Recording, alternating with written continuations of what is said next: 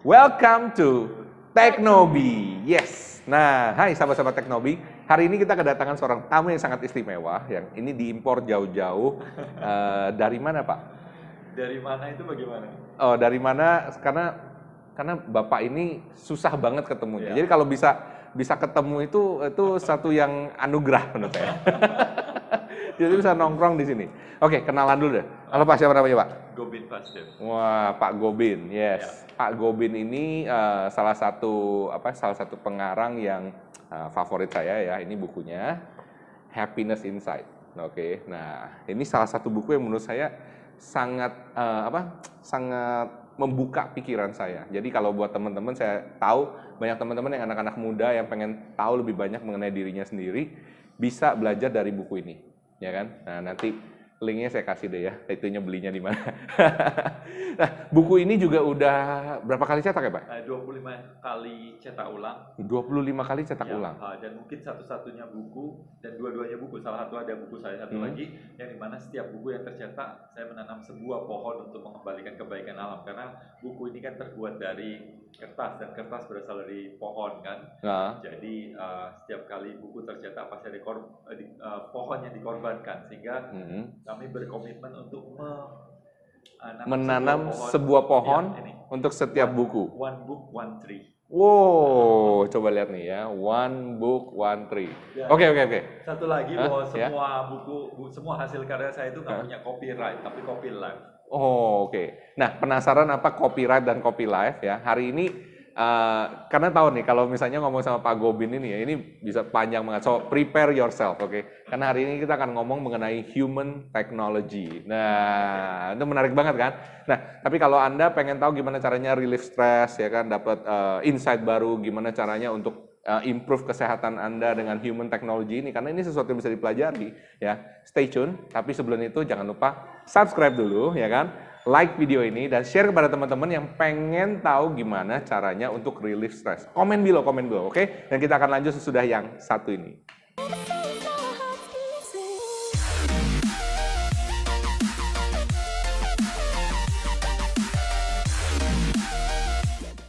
Oke, sekarang kita kembali lagi dengan Pak Gobin ya. Nah, kalian pasti penasaran kan apa human technology itu, tapi sebelum itu kita akan ngobrol-ngobrol dulu mengenai bukunya nih ya. Iya. Nah, bukunya. Tadi eh, tadi sore nih kepotong. Oh, Ah. bisa share sedikit tadi maksudnya apa itu? Copyright, bukan Left. copyright. Bukan copyright, tapi copy left. Oh, copy left. Jadi Iya. copy Kiri, bukan copy bukan kanan. copy kanan. Ah. Atau Apa boleh maksudnya? ya copyright itu adalah right to copy. Jadi ko- jadi copy left itu adalah sesuatu yang kebalikan daripada copy Right. right. Ya, jadi Oke. Uh, bap- uh, siapa pun siapa pun yang membaca buku ini boleh mengcopy sebagian seluruh isi buku ini, Iya. kemudian diganti nama saya dengan nama siapa pun yang uh, disebut, Ah. kemudian dijual lagi, Ah. itu nggak ada tuntutan. Wow. Tidak malah malah di malah uh, di- ditulis di sini bahwa oke oke aja nggak ma- nggak masalah untuk melakukan itu dan ya intinya bahwa yang lebih penting daripada sebuah uh, buku bi- ya tentang kebahagiaan atau kebijaksanaan adalah pesan bijaknya bukan yang menulis siapa gitu Hmm. ya jadi saya merasa tidak nyaman ini buku tentang kebahagiaan buku tentang kebijaksanaan tapi awal-awal ini ada hati-hati bagi yang membaca akan kena hukuman gini rasanya kok nggak inline gitu antara apa yang disampaikan dengan buku ini sendiri gitu ya Oh, oke, Oke. menarik. Ya. Mungkin bisa di-share. Eh, kita ngomong buku ini dulu ya. Jadi buku ini nih mengenai apa ini? Buku ini sebenarnya tentang uh, kehidupan sehari-hari di mana kita akan bertemu dengan begitu banyak masalah Hmm. tapi kebanyakan dari kita adalah bagaimana kita menghindari masalah, mencari jalan keluar. Nah, pa- pada dasarnya manusia itu kan nggak pernah bermasalah dengan apa pun dan siapa pun di luar dirinya. Kita bermasalah dengan ego kita, keserakan kita, kebencian kita, ketamakan kita, yang semua yang ada di dalam diri kita. Ya. Maka ketika kita punya masalah, ingat satu hal, tolong jangan cari jalan keluar. Oh, Karena masalahnya kan di dalam. So cari jalan ke dalam, bukan cari keluar. jalan ke dalam. Cari bukan jalan ke keluar. dalam. So, it's Menarik about banget. cari jalan ke dalam. Oh, oke. Ya. oke, oke. Ini uh, very interesting ya. Uh, saya udah baca beberapa uh, karena ini saya ketemu dengan Pak Gobin udah almost two years kan. Ya. Almost two years, terus kemarin bisa ketemu lagi. uh, I think ya that's that's something ya kan uh, maksud saya saya percaya dengan adanya apa adanya uh, adanya jodoh gitu kan ya. Kalau misalnya kalau bisa ketemu kamu bisa ketemu sama orang itu lagi. I think the the universe want us to meet. Ya, betul ya, Pak ya. setuju. di beberapa buku ini ya eh di, be- di beberapa chapter ini ini kan dibagi-bagi dalam banyak chapter ya. Ya. nah uh, ada misalnya uh, ini menarik nih seperti ini kayak uh, see on beauty. Ya Iya, kan iya. misalnya kayak gitu. Mungkin bisa diceritain uh, ada beberapa chapter yang uh, menurut Pak Gobin yang paling menarik dari sini ya mungkin mereka bisa apa teman-teman mungkin teman-teman teknobi pengen tahu juga ya kan Ya, ya. apa sih yang menarik dari sini yang bisa membantu improve kebahagiaan mereka? Ya, ya. Em, salah satu hal yang uh, sering kali saya ulas di sini adalah find meaning. Find meaning. Find meaning. Jadi meletakkan makna pada sebuah kejadian. Kita tahu bahwa semua kejadian di dunia itu semuanya adalah netral. Dia nggak positif dan negatif. Oke, Dia menjadi positif dan negatif tergantung dari makna yang kita letakkan. Dan makna yang kita letakkan ini akhirnya mengakibatkan emosi yang ada dalam diri kita. Hmm, Jadi kalau umpamanya satu kejadian kemudian diletakkan makna tertentu, maka emosi ini muncul. Oke. Seperti itu. Nah, kita tahu kita ini sering bermasalah dengan emosi kita. Ya. Kita berpikir bagaimana saya mau sabar, mau senang, ah, bagaimana kita mau sabar, mau bahagia, gembira, dan sebagainya.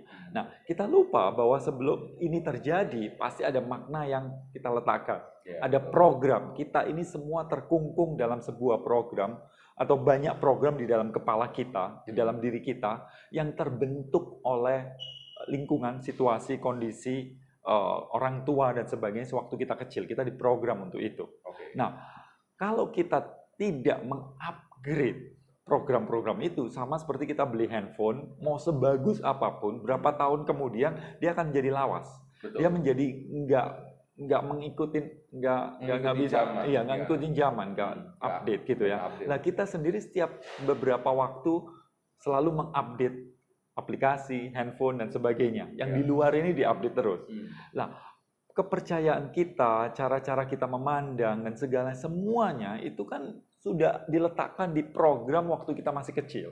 Oke. dan kita masih membawanya sampai sekarang. Hmm, Nah, kalau kita tidak kembali untuk mereprogramming lagi dengan Iya. sesuai kondisi keadaan sekarang, maka kita kalau terjebak dalam keadaan marah pada waktu kita kecil, ya kita akan terbawa oleh sifat-sifat marah itu sampai sekarang. hmm. Nah, kita selalu berpikir bahwa itu karakter, itu sifat, itu sesuatu yang nggak bisa dirubah. Enggak, Hmm, bahwa itu bisa dirubah kalau programnya berubah. Cuma Hmm. kita, ya karena kita berpikir bahwa ya emang kehidupannya seperti itu. hmm. Nah, inilah teknologi bahwa sebenarnya kita bisa masuk ke belakang dan kemudian kita merubah program itu. Hmm, Nah, kalau kita udah nggak terjebak dengan kemarahan, ya otomatis ke ke sananya juga nggak akan ada benar. kemarahan itu sendiri. Iya, Menurut iya. saya seperti itu. Oke. So, buku ini bercerita tentang eh, kebahagiaan di dalam, tapi kita mencarinya di luar, Hmm, ya kan? Kita kita punya masalah di di eh, program di dalam diri kita, tapi kita mencari sesuatu yang di luar. Sesuatu yang di luar untuk merubah. Padahal Merubah. yang perlu dirubah itu dari dalam Yang dalam diri kita, sendiri. betul. Oke. Nah, itulah yang kita sebut dengan human technology ya. Jadi mungkin eh, banyak technoheads, teman-teman teknobi yang mikir bahwa kalau human techno eh, kalau teknologi itu harus sesuatu yang kayak gadget, yang program dan sebagainya. Ya. Itu semua di luar. Tapi kita lupa bahwa sebenarnya teknologi tercanggih itu ya, Ya. ini Ya. tubuh kita sendiri Tubuh ya kita, kan. ya. Semua makhluk ciptaan Tuhan ini. Jadi itu Yes, yes. itu adalah satu teknologi tercanggih dan kita perlu tahu gimana programmingnya. ya kan? Mm-mm. Kalau kita nggak tahu programmingnya akan timbul banyak masalah dan banyak pertanyaan-pertanyaan. Nah, Betul. Salah satu nih pertanyaan yang paling banyak ditanyakan oleh tekno eh, apa teknoheads ya, mereka Ya. tanya, Pak, gimana sih caranya saya untuk sukses di macam-macam, ya kan? Ada yang sukses di bisnis, Ya. ada yang sukses di eh, jualan online, Ya. ada yang sukses di marketing, iya intinya semua orang tanya gimana caranya supaya sukses. Ah. Jadi saya ngelihat pertanyaan-pertanyaan ini semua eh, apa intinya cuma satu, Pak gimana supaya sukses? Ya.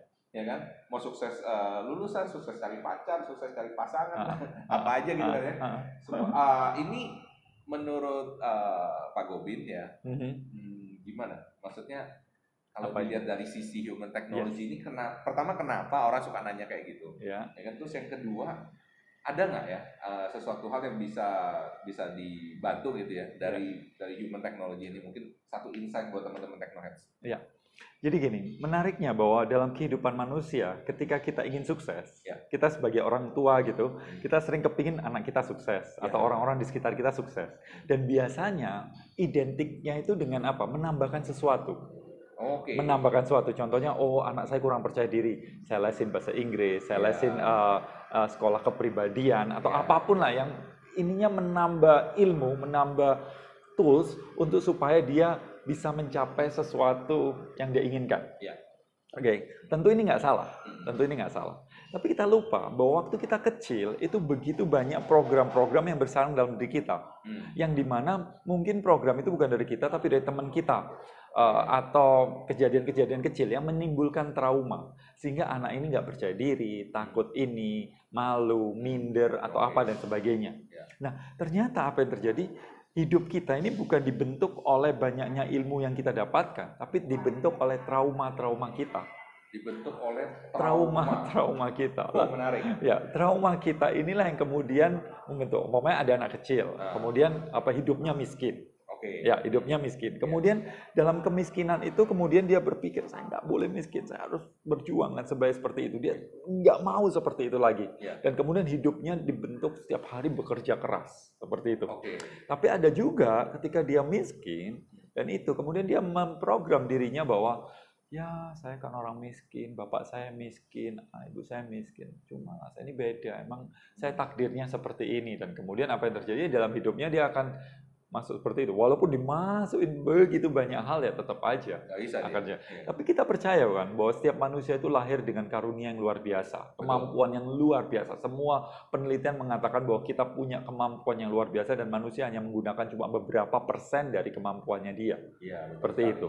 Nah, sekarang artinya apa? Bahwa kita punya yang besar, cuma kita apa sih yang menghambat diri kita? Yaitu trauma-trauma kita Hmm. yang membentuk program-program di dalam kepala kita. Iya, iya. Seperti itu. Nah, sekarang pertanyaannya bagaimana melepaskannya? Ya, betul. bagaimana itu itu itu yang menjadi suatu suatu apa ya suatu ganjalan besar sekali dalam kehidupan manusia karena kita diajarkan begitu banyak ribuan jam kita belajar fisika kimia matematika dan sebagainya tapi kita guru-guru kita nggak akan nggak pernah ngajarin kita tentang ini semua program-program ini Setuju semua banget, setuju banget. Ya. Ya. Jadi eh, untuk bisa sukses, sebenarnya banyak orang mikir kita masih masukin sesuatu yang baru. betul Padahal kalau menurut Pak Gobin, yang perlu dibuat adalah melepaskan trauma-trauma itu ya. Ya. Nah, Ya. oke, kita kita lanjut ya. Oke, Ya. gimana? Langsung Pak. Ah, Oke, so trauma-trauma ini banyak sekali kita bisa lakukan. Ya. Ah, apa, apa maksudnya gini? Kita kita bisa melakukan berbagai cara. Tapi menurut saya untuk orang modern untuk mereprogramming lagi ini agak sulit kalau menggunakan teknik-teknik seperti meditasi, apa lasi tai chi atau teknik-teknik seperti itu yang di mana kita mesti merenung kemudian mencari akar masalah dan sebagainya seperti itu. Gitu iya. ya. ah. emang ah, kalau kita perlu ah, kita ada terapi akan jauh lebih gampang seperti hipnoterapi dan sebagainya. Iya. Tapi kita tahu bahwa tubuh dan pikiran ini satu kesatuan yang nggak bisa dipisahkan. Oke. Ya. Ah, Ketika kita pikiran kita kacau, tubuh kita juga kena. Ya. Ya kan? Kita umpamanya kita stres, asam lambung meningkat, ya kan? hmm, betul. Kemudian mungkin wanita keputihan Iya. atau rambut rontok, tiduran dan macam-macam seperti itu. Iya, iya. Intinya bahwa pikiran mempengaruhi tubuh. Nah sekarang nggak banyak orang sadar bahwa tubuh ini mempengaruhi pikiran. Oh, bisa sebaliknya. Sebaliknya, ya kan? Buktinya apa? Buktinya ketika kita duduk seperti ini, nunduk, merengut, susah mikirin bahagia nggak bisa. Iya, Begitu iya. pula kita ketika tegak, senyum gini, mikirin sedih nggak bisa juga. Betul, betul. Nah, Kenapa kenapa orang melakukan ketika stres disuruh yoga, disuruh tai chi dan Iya. sebagainya? Itu semua adalah cara untuk merubah pikiran melalui tubuh karena tubuh dan satu pikiran adalah satu kesatuan. Oke.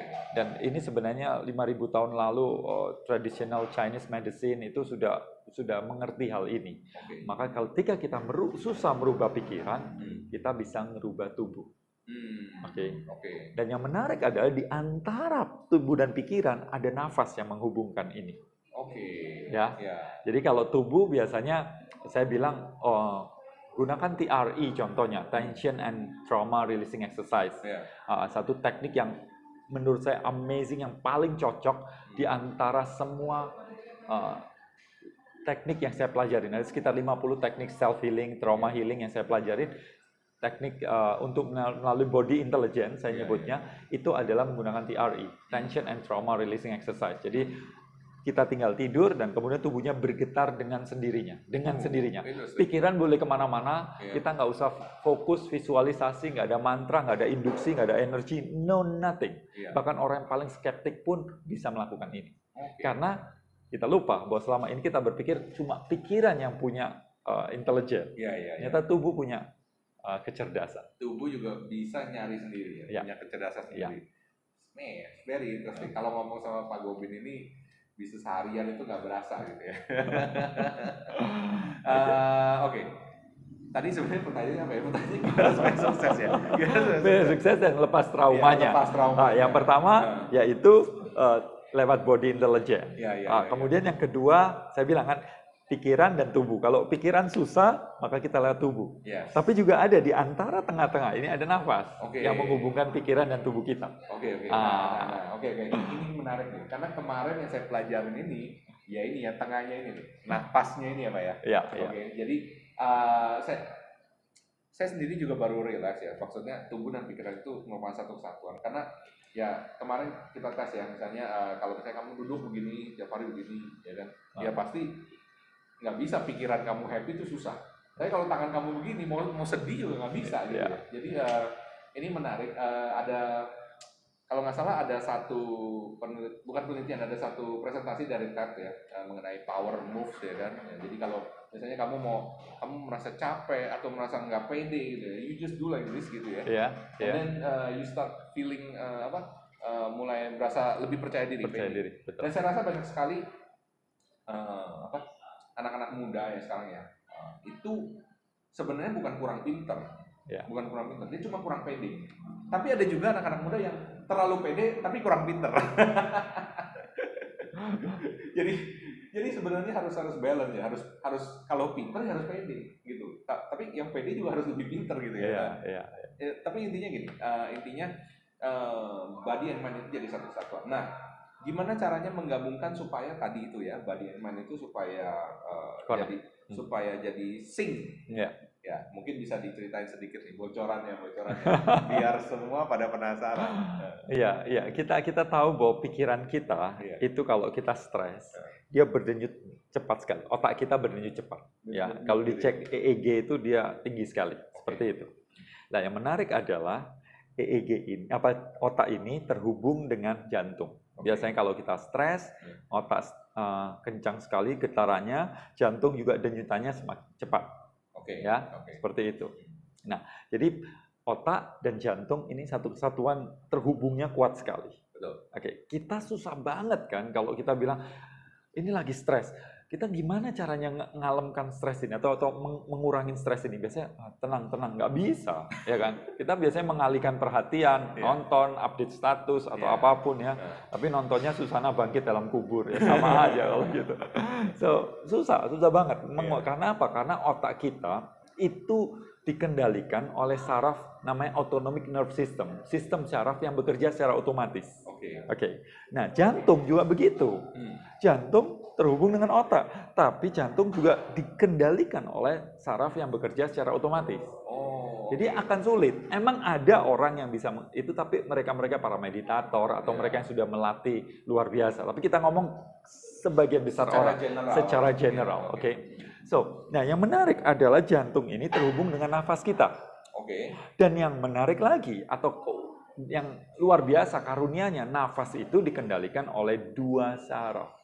Satu adalah saraf yang bekerja secara otomatis, Ya. otonomik seperti saya ngobrol gini kan, saya nggak ngatur nafas saya. Iya, Ya kan?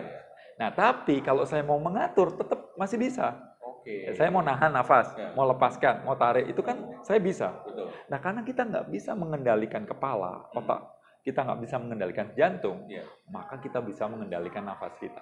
Hmm. Nah, dengan nafas, jantung teratur, Iya. otak juga teratur. Hmm. So, ini adalah irama tubuh kita. Sehingga kita tahu orang ini stres atau tidak, orang ini sabar atau tidak, dilihat dari nafasnya udah cukup.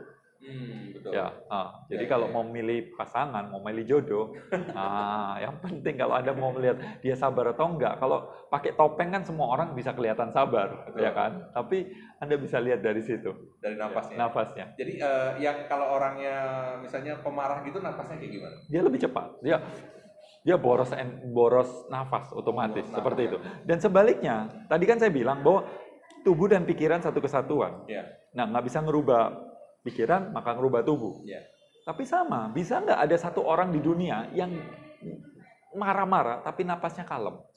Gak mungkin. Nggak mungkin. Iya. Ya. Nah, Atau orang yang kalem disuruh marah-marah. iya nggak bisa napas ya, pelan, nggak bisa dia. nggak bisa. Iya, Itu tuh iya. satu kesatuan. Jadi Iya. kalau kita nggak bisa mengendalikan ini, kita bisa mengendalikan ini. Iya, iya. Ya. Dan sebenarnya begitu banyak keuntungan ketika kita mulai mengatur nafas kita seperti itu. Karena apa? Karena satu kat- kata yang luar biasa. We are what we eat. Yes. Ya, we are what we eat. Nah, kita tahu bahwa di dunia ini kata-kata eat ini selalu diakibat diartikan makan, Makan, minum. makan, ya. minum. Nah, iya. Padahal makan minum itu hanya tiga kali sehari, Oke. ya kan? Sedikit sekali, porsinya paling dikit Iya, iya. dari we are what we eat. Tapi fokusnya di sini. Ketika kita sakit, orang fokus ya makannya diatur. Iya. Dan ke dokter pasti suplemen ditambahin atau Iya. bagaimana seperti itu. Jadi mulutnya di itu. Hmm. Tapi kemudian dokter juga bilang, eh kamu istirahatnya yang banyak, Hmm. lebih banyak. Tapi gimana dok? Gak bisa istirahat, stres. Iya. Ya jangan mikir. Lah gimana jangan mikir? Kan nggak dikasih tahu bagaimana cara bagaimana tidak mikir, Iya. bagaimana caranya nggak stres itu kita nggak dikasih tahu sama sekali. Betul. Nah, apa yang di, dan yang menarik adalah satu kita nggak dikasih tahu dan satu hal lagi, we are what we eat. Iya. Supaya nggak stres, kurangin data, Hmm. ya kan? Iya, iya. iya. Karena kebanyakan data, kebanyakan makan kita sakit. Iya, betul. Oke, di dunia ini benar bahwa banyak orang yang meninggal karena kekurangan gizi. Iya. Tapi Michael, fakta yang paling lebih tepat adalah sebagian besar orang yang mati itu karena kebanyakan gizi di, di, di dunia modern ini. Hmm, benar. Benar, sekali. di Afrika banyak yang kekurangan gizi dan mati. Iya. Tapi di Amerika yang kolesterol, Yang jantung, obes. yang itu, yang gula, itu kan obes bahkan. sekarang. pembunuh nomor satu di dunia sekarang Iya, ini kan. betul, Ya kan? betul. Jadi artinya bahwa kebanyakan ini yang berbahaya sekarang, bukan kekurangan. Iya, iya. Nah hari ini begitu banyak orang stres, kenapa? Datanya banyak banget. Iya. Ya kan, pagi-pagi kita udah nonton ini, buka handphone, isinya cerita ini, cerita itu, buka Facebook, capres ini, capres ini. Iya, ya iya, kan, iya. setiap hari ini data ini luar biasa kan. Bombardir. Bombardir. ya kan? Nah, jadi puasa dalam arti kalau kita bisa berpuasa mata dan telinga dari gosip, dari uh, hantu-hantuan, film ini, film itu, dan sebagainya, maka hidup kita menjadi lebih rileks, otak Betul. kita jadi ini. Jadi kan kita terstimulusnya luar biasa gitu. Benar, benar. Oke, so itu. Nah, sekarang we are what we eat. Yang pertama kurangin mulut. Iya. Kemudian yang kedua mata dan telinga. Mata dan telinga. Dikurang, Input, ya, inputin Iya. kurangin. Nah, yang terakhir ini yang menarik. Hmm. Yang kita lak- lakukan 24 jam non-stop. Iya. Pagi, siang, sore, malam, apakah kita lagi senang, lagi susah, lagi tidur, lagi bangun, dan sebagainya. Hmm. Tahu apa itu? Apa? Nafas. Oh Ya iya. kan? Udara ini kan kita setiap hari kita konsumsi 24 jam. Yang menarik adalah kita ngurusin makan, tapi kita nggak ngurusin nafas kita. Hmm. Oke, padahal kita tahu bahwa 65% atom di dalam tubuh kita Iya. itu O. Oke. Hidrogen, nitrogen, eh, sama karbon, total OCHN ini Iya. Itu 96,2 persen. Kalsium di tubuh kita cuma satu setengah persen. Sodium 0, sekian persen. Fe atau 0,0,0, itu semua cuma 3, sekian persen. Nah ketika kita sakit, kita ngeributin itu. Hmm. Tapi kita nggak ngeributin nafas kita. Hmm. Padahal OCHN-nya ada di udara ini. Itulah yang saya mau bilang bahwa ini penting banget untuk kesehatan tubuh, kesehatan jas- uh, pis- psikis juga atau Iya, iya. rohani juga seperti itu. Benar-benar. Ini eh, menurut saya saya pas denger ini menarik banget ya. Karena kenapa? Em, kita banyak nggak berpikir, ya kan? Eh, sebentar lagi mau puasa, ya kan? Orang-orang puasa, puasanya puasa keinginan, ya kan? Iya. Eh, puasa makan, Ah. pantang makan, pantang minum, ya kan? Di waktu tertentu. Ya. Eh, tapi gadget jarang, ya kan? tapi kalau bisa puasa gadget juga bagus, ya kan? Nah makanya kalau orang retret uh, itu kan memang puasa dari semuanya ya. Iya, Nah, iya, kan itu iya. bagus tuh ya. Nah, ada ambil weekend, ada ambil mana ada ke mana gitu anda stop, tidak ada gadget, makan diatur itu semuanya oke. Nah, cuma yang terakhir ini, ini baru banget buat saya. Itu puasa napas. Yes. Napas di puasa, bahaya dong. Nah, m- mungkin bisa cerita sedikit dari mana, apa originalitas, eh, maksudnya hal ini tuh konsepnya tuh dari mana ya puasa napas itu? ya? Mungkin bisa di-share sedikit. Iya, jadi awalnya saya itu em, kehidupan saya itu saya berpikir saya sehat banget. Oke. Ya, makan saya vegan. Vegan itu nggak makan telur, nggak makan susu, daging apa pun. Ya, semua produk hewani nggak. Kemudian sebagian besar raw food. Iya. Ya, Nggak Kemud- dimasak. nggak dimasak dulu seperti itu ya, jus atau apa seperti blender. Terus kemudian saya mau mempraktekkan yoga, meditasi seperti itu. Iya, kurang iya, lebih iya. seperti itu. Dan otomatis semua pelajaran yang saya dapatkan tentang nafas adalah satu, Iya. deep breathing. Yes, itu kan. Deep breathing. Jadi karena apa? Karena uh, uh, semua mengatakan bahwa manusia perlu oksigen. Setuju. Yes, Manusia yes. perlu oksigen. Benar. Dan setiap perlu oksigen, gimana caranya ambil oksigen? Tarik napas dalam-dalam. Secara intuitif, Uh-uh. kita akan bilang, oh ya gampang dong. Ah, Satu adalah tarik napas dalam-dalam, ya kan? Ya, itu adalah untuk cara menambah oksigen. iya, iya. Nah, 14 tahun lalu saya ketemu dengan orang Rusia dan dia mengatakan, kamu lakukan apa? Deep breathing. Kamu tahu, deep breathing is very dangerous. Begitu dia mengatakan hal itu, langsung ngeblok. Kemudian dia menjelaskan beberapa teori apa Iya, yang terjadi dan dia menjelaskan satu satu nama yang saya dengar yaitu Profesor Konstantin Buteyko, Oke. seorang ahli paru-paru yang kemudian dia meneliti tentang paru-paru yang orang yang mau meninggal. Apa yang terjadi di situ? Uh, interesting. Ah, Interesting. Dan dan dan hasilnya adalah 100% paru-paru orang yang mau meninggal adalah kelebihan oksigen. nah, begitu dengar itu langsung blok. Ah, ini orang emang cari-cari sensasi kali kan banyak orang yang cari sensasi dengan Iya. mengatakan suatu yang kebalikan supaya Iya. mendapat perhatian. Saya Betul. pikir ah udahlah, lupain aja. Tapi apa yang terjadi? Beberapa tahun lalu saya mau pergi ke luar negeri untuk memperdalam TRE, Iya. Tension and Trauma Releasing Exercise. Dan pada saat itu eh, di utara dan itu musim salju. Iya. Dan ya sayang dong kalau udah sampai ke sana kemudian nggak main salju. Iya. Nah sementara saya tahu bahwa saya ini tidak menggunakan alas kaki ke mana pun saya pergi. Ini udah tujuh tahun. Saya kasih lihat fotonya ya. Ke mana-mana nggak pakai sepatu, nggak pakai sendal. Oke. Iya. Saya sampai terinspirasi pengen ngikutin juga deh. Ah, udah tujuh tahun ke mana pun saya nggak pakai alas kaki. Nah apa yang terjadi? Saya berpikir bisakah saya bertahan hidup? Maksudnya bertahan di kedinginan itu tanpa alas kaki karena saya belum rela untuk pakai sepatu kalau pergi ke salju. Akhirnya apa yang terjadi? Saya ingat setahun lalu teman saya bercerita tentang Win Ho, seorang yang disebut Iceman yang Iya. dapat 18 rekor uh, dunia Guinness Book of World Record karena Yes, yes. kemampuannya dia bertahan di dingin. Di dingin. Akhirnya saya belajar, Ah, berguru dari dia. Oke. Dan ternyata badan saya hangat. Dan saya bertahan tanpa alas kaki di tempat dingin. Bahkan saya berendam di air dingin ketika suhu minus. Uh, Seperti itu. crazy. Dan crazy. pada saat itu kan tangan saya itu termasuk orang yang dingin, Iya. kurus. Kalau lihat foto saya di beberapa tahun lalu yang ya gampang sakit dan seperti itu. Padahal hidupnya udah sehat banget gitu. Itu kapan? Itu kapan? One year ago? enggak enggak tiga tahun, tiga, Tiga tahun. tiga tahun lalu ya. Oke. Ada ada foto-foto eh, saya di situ. Nah, apa yang terjadi? Saya bilang hebat banget ya. Ternyata nafas ini mempengaruhi saya, Hmm. mempengaruhi luar biasa. Ternyata tadinya saya deep breathing luar biasa itu membuat saya menjadi super alkaline Hmm. tubuhnya. Jadi alkalin banget. Iya, kalau saya cek di air seni saya itu pH-nya sampai 8 seperti itu. Oh, oke. Jadi kan dulu kan punya konsep alkaline itu bagus, Iya. eh, asam itu jelek seperti Yes. itu. Padahal tubuh kita pun per- perlu keseimbangan yang cukup. Dua-duanya Ketika apa yang perlu. terjadi terjadi terlalu alkaline, lebih dari 1000 enzim kita nggak bekerja. Dan Oke. apa yang terjadi, makanan sebaik apa pun nggak akan Nggak bisa nggak tercerna, betul. Oke. Seperti itu. So ini kurus sekali. Iya. Nah, apa yang terjadi? Kemudian saya mengingat kembali 14 tahun lalu ketemu sama orang Rusia itu. Iya. Dia bercerita tentang nafas. Mulailah saya searching dan pada saat itu baru kemudian saya uh, mempelajari lebih dalam Hmm. untuk kembali lagi dan tersadar dan sebenarnya berterima kasih juga walaupun ingat bahwa di dunia ini ada satu kata-kata bagus. Iya. Ketika murid siap, guru datang. Ah, Oke. benar-benar. Dan ini adalah semua dari rahasia kesuksesan. Betul. Dalam arti apa? Anda nggak perlu cari uang, menurut Ya, saya. ya. Anda nggak perlu cari jodoh. Ya. Anda nggak perlu cari peluang. Siapkan diri Anda.